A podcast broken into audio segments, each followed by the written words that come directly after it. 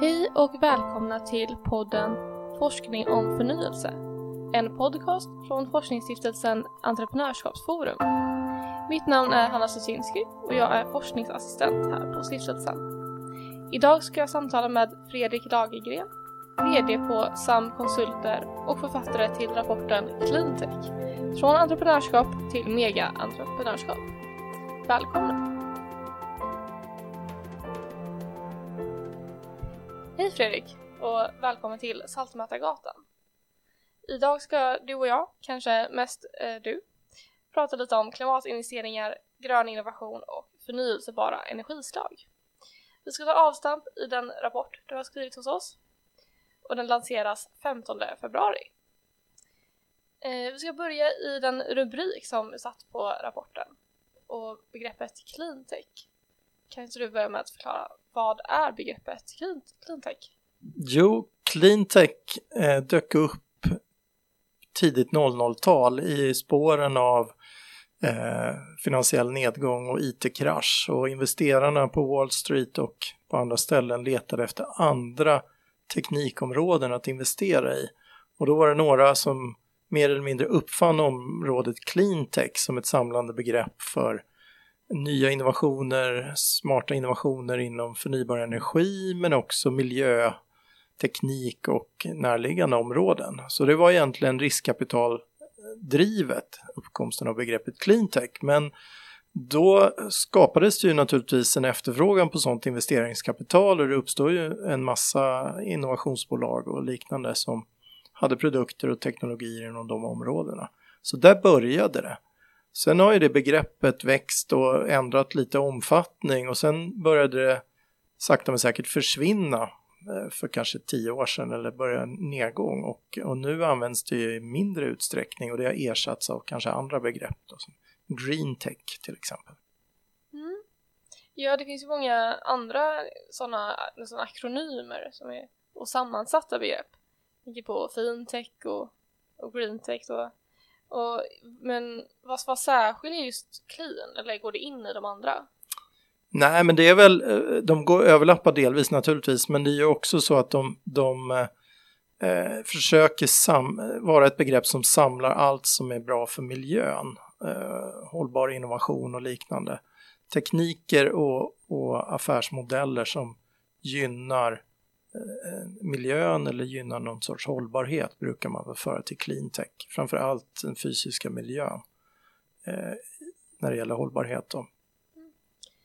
När vi spelar in det här så är det den 6 februari och igår på Agenda den 5 februari så diskuterades just investeringar med tonvikt på offentliga investeringar i gröna innovationsprojekt.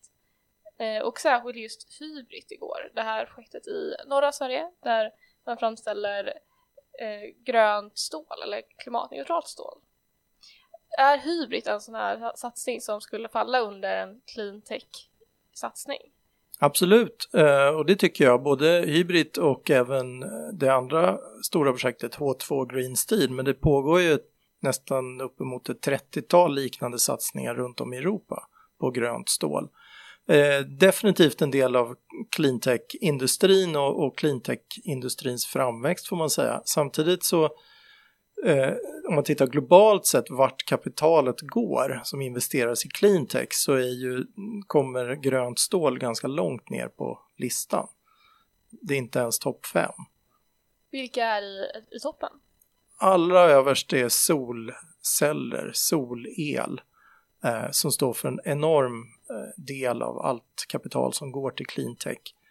Eh, som nummer två kommer elnätsinvesteringar, alltså privata investeringar i elnät och elnätslänkar som växer. De, bägge de två slukar enormt mycket kapital också, men där, där finns det en stor attraktionskraft. Och sen kommer förnybar, annan förnybar energi som vindkraft som nummer tre. Så att det, de första är energi kan man säga. Och att det är clean måste det vara förnyelsebart eller räcker det med att det är utsläppsfritt?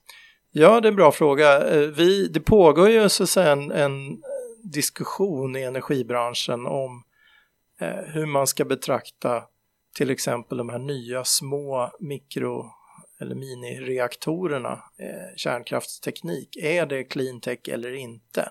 Jag eh, vet inte om det har, om det har definierats som cleantech eller inte. De är i alla fall utsläppsfria.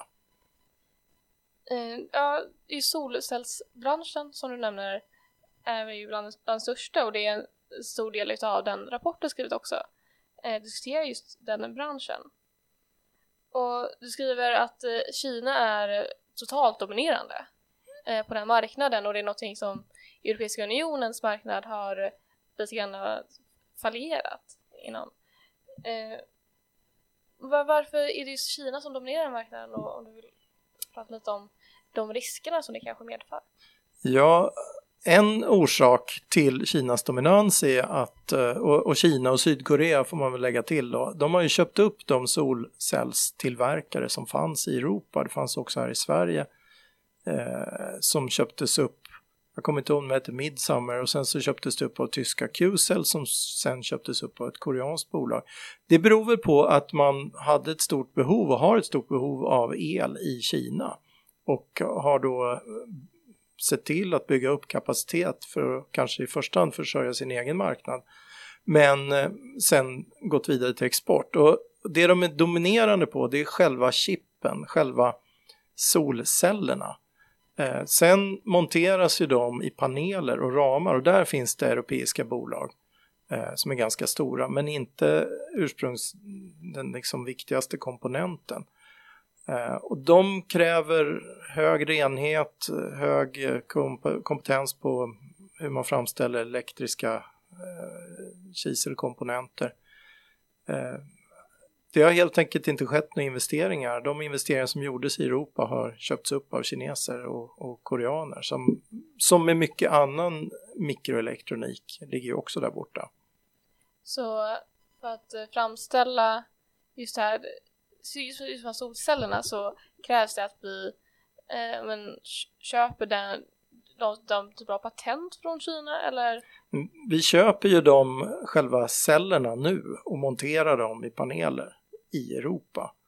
Eh, men det är klart, vill vi i Europa framställa dem själva så är det inget som hindrar att man sätter upp en sån fabrik. Det är välkänd teknik och vi har världsledande forskare som skulle kunna utveckla varianter på de celler som Men man finns. har inte nått det marknadsvärdet? Nej, man är, här är en lucka för någon riskkapitalist att starta en sån tillverkning i Europa, absolut. Men den där logiken, det ska man komma ihåg att det är ganska storskalig tillverkning, det krävs mycket kapital för att sätta upp de här maskinerna och sen få fram råmaterialet som är då väldigt rent kisel och sen behöver man ju då eh, få maskiner som spottar ur sig miljoner sådana här eh, och ju fler man tillverkar desto lägre blir liksom styckekostnaden på den där. Eh, så att ju större storskalighet man har desto lönsammare blir det. Eh, och jag vet inte varför ingen europeisk eh, elektroniktillverkare har satsat på det här än. Och den luckan i kapital som du nämnde då, skulle den kunna fyllas av en offentlig investerare? Kanske, men, men det är ju tveksamt om offentliga investerare ska gå in och investera i tillverkning av så att säga ganska mogna produkter. Eh, Vad är skillnaden på att investera i det och investera i hybrid? Ja, det är också en bra fråga. Det är, hybrid är ju halvoffentligt kapital. Det är, den offentliga delen är ju subventioner och stöd, bidrag som kommer från riktade bidrag som kommer från Energimyndigheten och liknande. Men den andra delen som i någon mån också är statligt består ju av att det är statliga Vattenfall som står för en stor del av investeringarna här. Um, och det är väl gränsfall. Det är ju en del av deras affärsutveckling och på det sättet så är det ju rätt att de investerar i det. Uh, och Eh, om vi ska ha offentliga medel för att stötta framväxten av vår industri så ska det ju för det första ske på lika villkor till alla aktörer. Eh, men sen har ju historien visat att det inte brukar gå särskilt bra för stora offentliga satsningar. Men det är klart, om vi vill eh, vara först ut på banan och vara tidiga med att etablera en marknad för grönt stål så kanske man får ta det här. Ja, det, kritiken mot just hybrid har ju varit att det, det kommer med, eh, att vara först kommer också med risker och med snedsteg som den som är först måste ta, barnsjukdomar och annat. Och att det kanske inte är helt riskaverst. av staten. Men å andra sidan tror du att eh, vinsterna skulle vara större? Ja, och sen är frågan vart vinsterna hamnar naturligtvis då. Kommer de tillbaka till staten och på vilket sätt? Eh, men det, men det är en delvis en annan fråga. Nej, men det är klart, kan man etablera någon sorts first mover advantage här? Att man lyckas utveckla teknologi kopplat till framställningen av grönt stål eller framställningen av vätgas som gör, eh, som gör så att säga, svenska företag konkurrenskraftiga på en global marknad. Ja, då kanske det är värt det. Eh, men man kan alltid diskutera om det ska vara statens roll att satsa på viss teknik, vissa innovationer eller om man ska hellre etablera en spelplan som gör det möjligt för flera aktörer att växa fram här. Den här konkurrensen eh, är ju säger på en global marknad och det krävs stora investeringar, eh, visar ju din rapport. Och vad tror du om samarbetet i EU där, där vi nu är ordförande? Eh, statsministern har ju ändå nämnt klimatomställningen som en av de största delarna. Tror du cleantech kommer vara högt upp på agendan? Ja, definitivt. Och bara häromveckan kom det ju nu EUs motdrag mot den amerikanska IRA, Inflation Reduction Act, som egentligen är en, en stor satsning på grön teknik i USA där de ska dela ut kraftiga subventioner till företag som etablerar tillverkning och verksamhet i USA. Och de försöker ju locka över då europeiska företag att flytta delar av sin verksamhet till USA. Eh, EU vill ju eh, motverka detta och lyfter därför fram något liknande paket med subventioner i Europa. Eller snarare, så vitt jag tolkar det då eh, rätt, är att man tillåter enskilda stater att subventionera sina företag i högre grad än vad som var tillåtet på den inre marknaden tidigare. Och det tror jag är ett misstag. Eh, och det kan leda till en massa utmaningar. Du skriver ju att eh, investeringarna är ju en del, men eh, ett av de största problemen är ju också byråkratin. Mm. Eh, det, det känns ju inte helt lätt att idag få igenom eh, tillstånd att bygga vindkraft eller för den del också för ett mindre startupbolag att traggla sig igenom eh, alla EUs regler jag tror du det, det bidrar till konkurrensnackdelarna på den globala marknaden? Ja, för svensk del så har det ju nu äntligen då till sist brutit ut en diskussion om vårt tillståndssystem som är väldigt omfattande och som tillåter i princip vem som helst att överklaga ett beslut. Och det där eh, beslutsprocesserna eller tillståndsprocesserna eh, har ju fått den effekten att det balanserar lite fel, att den lokala miljön, eh, minsta påverkan på den lokala miljön kräver eh, tillstånd och, som tar lång tid att få samtidigt som den globala miljön då fortsätter att påverkas negativt. Till exempel eh, utbyggnad av vindkraftparker, havsbaserad vindkraft eller egentligen vilket bygge som helst eh, kan dra ut på tiden väldigt långt och nu har vi inte den tiden. Nu är det bråttom och då behöver vi kanske fundera över om ska vi eh, tillåta investeringar som på något sätt bidrar till att rädda klimatet eller som räddar en, en eh, viss eh, förekomst av en viss ork orkidé till exempel. De här investeringarna kan ju få olika effekter beroende på vem, de, vem de kommer ifrån och någonting som blivit väldigt tydligt det senaste året är ju inte minst att geopolitiken går in i allt och den är så mycket mer omfattande, och in i klimat frågor, den går in i ekonomiska frågor. Och vad, vad kan säkerhets, hur kan säkerhetsläget bli ifall eh, fel utländska aktör investerar i den svenska energiproduktionen? Ja, alltså hela det geopolitiska läget har ju förändrats radikalt eh, under och efter pandemin det var en fri global värld som gynnade svenska företag och som svenska företag hade anpassat sig ganska väl till eh, sen 20-25 år tillbaka. Och nu plötsligt på några år så skiftar det över till ett helt annat eh, internationellt handelsklimat. Eh, och det tror jag, den omställningen kommer att kräva jättemycket för svenska företag att inse att eh, det räcker inte längre med att vara världsledande i sin nisch därför att det är andra hänsyn som spelar in. Ehm, så redan där kommer deras sätt att konkurrera och deras eh, konkurrensförmåga konkurrensförmåga påverkas.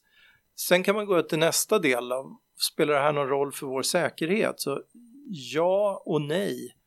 Jag, jag är inte så orolig för att eh, en kinesisk pensionsfond skulle som investerar eller äger stor infrastruktur skulle eh, stänga av den eller vilja orsaka skada. Det är klart, det finns en risk i att de kan göra det, men det förlorar de ju pengar på också. Det är därför de har investerat här från början. Eh, och fonder och placerare som har kopplingar till regeringsmakten i andra länder kanske agerar på ett irrationellt sätt. Det är det man är rädd för i alla fall. Men, men samtidigt är det ju investeringar som ska ge en avkastning eh, i tanken. Och, och, jag tror inte risken är så stor för att de ska gå in och påverka i systemet. Eh, men, men det, från att ha varit ingen risk till att ha varit en liten risk är ju rätt stor steg redan det. Ja, och jag vill fortsätta på det här globala spåret eh, som nämner med handelspolitiken för att, att tillverka alla komponenter som krävs för de här eh, de förnyelsebara energislagen så nämner energicellerna kräver ju kinesiska komponenter vindkraften kräver kanske andra komponenter och de måste ju fraktas och i pandemin så blev det ju stora problem där i just eh, med logistikkedjan. Och vad finns det för exogena effekter som kan påverka eh, supply chain i just clean tech?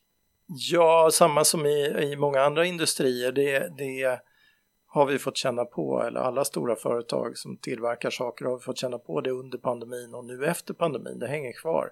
Det är, eh, det är ett tufft läge på många håll. Eh, och det pågår ju nu en massa förändringar, omlokaliseringar. Man kanske måste ha fler underleverantörer.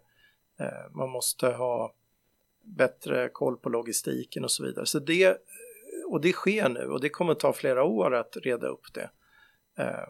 För all verkstadsindustri skulle jag säga och även cleantech-industrin.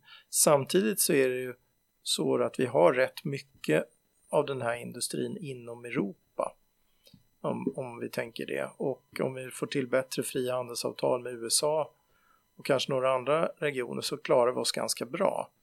Eh, ett undantag är just då solcellerna från Kina, Asien som vi är beroende av.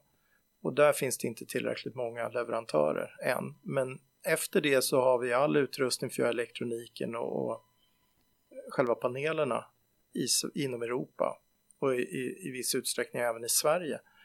Eh, så där klarar oss bra. På vindkraftssidan så drabbas de som annan verkstadsindustri, tror jag.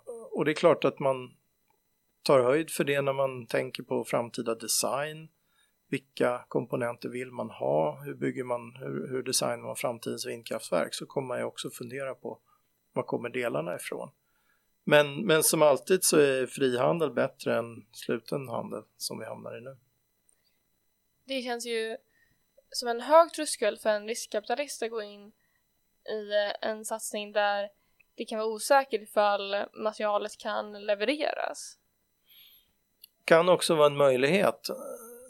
Som jag sa då så finns det ju en lucka för någon att bygga en sol, solcellsfabrik i Europa och då kommer man ju vara ganska ensam än så länge, i alla fall ett tag, eh, om det. Och då finns det ju en enorm marknad just nu. Så att det är både en risk och en möjlighet med det här. Jag tänker på länderna i Europa men utanför unionen. Som eh, lite grann kanske hamnar i ett eh, limboläge där man vill nå upp till de krav som unionen sätter på den inre marknaden men inte får ta del av den. Eh, hur ska de kunna också vara med i den här de tävlingen som det ändå är? Ja, det finns ju Storbritannien som lämnade EU, de har ju kört ett eget race kring förnybar energi och varit eh, föredömligt snabba och har framförallt när det gäller tillståndsprocesser och sånt har de varit effektiva och skapa sådana processer för vindkraftparker. Så de har ju lyckats bygga ut rätt mycket, de behöver bygga mycket mer. Eh, men där går det undan och där kan man ju lära sig något i Europa då. Sen finns det ju andra länder i Europas närhet men utanför som, som till exempel Ukraina. Eh, de har ju fullt fokus på kriget naturligtvis men även de Eh, kommer ju att närma sig Europas ekonomi och bli mer integrerade i Europas ekonomi. Och är det. Mycket underleverantörsindustrier finns där. Och där finns kanske också kapacitet på marginalen för viss europeisk industri. Till exempel det här stålverket i, i Mariupol, Azovstal, stod för en, en, stor del av det stål som fanns på marginalen. När det försvann blev det svårt för underleverantörer och få tag på material i, i Europa. Ehm, det är två exempel. Sen finns det ju i Ukraina finns det ju, jag vet inte hur deras förnybar energisatsning ser ut, men de har lite mindre beröringsskräck med kärnkraft än vad vi har. Eh, och åtminstone före kriget så fanns det idéer och planer på att bygga flera nya reaktorer i Ukraina för att försörja Europa med el. Eh, utsläppsfri el då. Eh, men eh, sen vet jag inte vad som händer nu förstås och det vet vi inte de heller. Eh, men idén var ett klassiskt europeiskt integrationsprojekt. Det skulle vara eh, tyska pengar, franska ingenjörer och ukrainarna som skulle stå för eh, byggandet och platsen för kärnkraften. Och sen exportera elen till Tyskland och Europa. Går det el över gränser kanske det inte går mer? Nej, vi får väl se hur, hur det här, vart det tar vägen, men, men det var i alla fall en, en möjlighet för dem att integrera sig närmare Europa och den möjligheten ligger nog kvar. Och att utvinna de delar som krävs för att, för att sätta ihop nya cleantech-innovationer. Det har ju varit brist i, i flera led här. Och man har ju hittat vissa ämnen i Sverige man skulle kunna utvinna.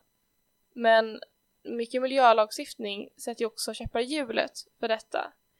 Finns det en målkonflikt här mellan den nya innovationen, våga våga gå framåt med delar man inte gjort innan men då behöva bryta de här lagstiftningarna man har satt upp för att samtidigt rädda klimatet. Absolut, och det är den här målkonflikten mellan det lokala miljöingreppet och den globala miljökonsekvensen. Alltså eh, tillåter vi ett eh, lokalt ingrepp i vår närmiljö för att utvinna till exempel eh, sällsynta jordartsmetaller eller liknande som hjälper oss till att eh, reducera det globala miljöhotet. Eller gör vi inte det? Och den, där har vi en målkonflikt i Sverige och här har vi ju valt att vi inte, eh, vi räddar hellre den lokala miljön än den globala. Ehm, så ser ju lagstiftningen och, och, och också konsekvenserna av lagstiftningen ut. Det är ett område där man kan ändra prioritet, kanske. Eh, det är en svår fråga för många. Det, det är ju många som drabbas. Uppe i Norrbotten så pratar vi om rennäringen som drabbas av nya gruvetableringar, vandringsleder. Eh, mellan Sverige så handlar det mer om närboende och, och kanske lokal miljö och olika eh, arter i flora och fauna som drabbas. Är detta en skillnad från resten av EU eller? I grunden så har ju vi likartad miljölagstiftning i, inom EU. Vi kan ju inte tillåta att något land struntar i miljön för att, att satsa på tillväxt. Så det finns ju en, en, en nedre gräns för vad vi tillåter som är harmoniserad. Sen verkar det som att Sverige har valt i några områden en ganska omständig och komplicerat sätt att mäta miljön. Eh, jag tänker på diskussionen som har satts om, om miljömål för skogen eh, som jag inte alls kan. Men det verkar som att vi har en extrem tolkning av EUs lagstiftning. Här finns ju visst utrymme för länderna att tolka det olika. Och vi har valt en, en ganska extrem linje eh, jämfört med många andra EU-länder. Här kanske vi behöver tänka om. Sen finns det ju ett annat spår. Vi är inte alltid beroende av de här. Med den teknologin idag, som vi har idag så är vi beroende av till exempel sällsynta jordartsmetaller och, och andra legeringsämnen. Men här sker också en ganska stor teknikutveckling som gör att vi kanske kan klara oss eh, utan dem eller med en betydligt lägre andel av de där ämnena på sikt. Men med dagens teknikläge så, så behövs de. Jag hade forskaren Daniel Wiberg här för en vecka sedan och pratade om arbetskraftsinvandring och talangattraktion. Och han nämnde att eh, Steve Jobs inte hade kunnat starta Apple i Sverige med de hårda lagarna vi har kring eh, arbetsvisum. Skulle nästa cleantech innovation som, är, som revolutionerar säg, trafikbranschen eller kanske utsläppsfritt flyg. Skulle den satsningen kunna lanseras i Sverige med vår byråkrati idag? Ja, det... Byråkratin är en sak, alltså hur vi med tillståndsprocesser och liknande. Eh, och om man kopplar det till arbetskraftsinvandring så jag tror ju att vi behöver, eller jag vet att vi behöver en eh, stort antal duktiga ingenjörer. Sverige är också lite annorlunda och ganska attraktivt för högutbildade människor att jobba i har det visat sig. Eh, men vi är inte tillräckligt attraktiva ännu. Eh, och där behöver vi jobba mer på, att få till det. Också få till visumprocesser och uppehållstillståndsprocesser och liknande som passar för en, en industriell utveckling och en teknikmiljö. Här finns det mycket att göra.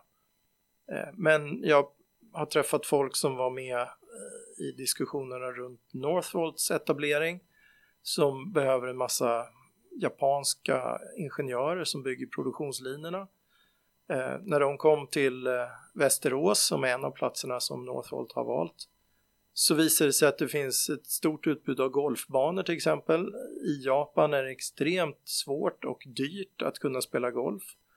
Eh, här fanns det hur mycket som helst att erbjuda. Ja, det var en sån aspekt som är attraktiv för åtminstone några japanska ingenjörer eh, som vi inte tänkte på kanske. Spännande. Ja, jag ska eh, börja avrunda. Det här var jättespännande att eh, få diskutera Cleantech med dig Fredrik. Och rapporten lanseras den 15 eh, februari och kommer kunna ses i efterhand på Entreprenörskapsforums hemsida där man också hittar rapporten. Så tack för att du kom hit. Tack så mycket.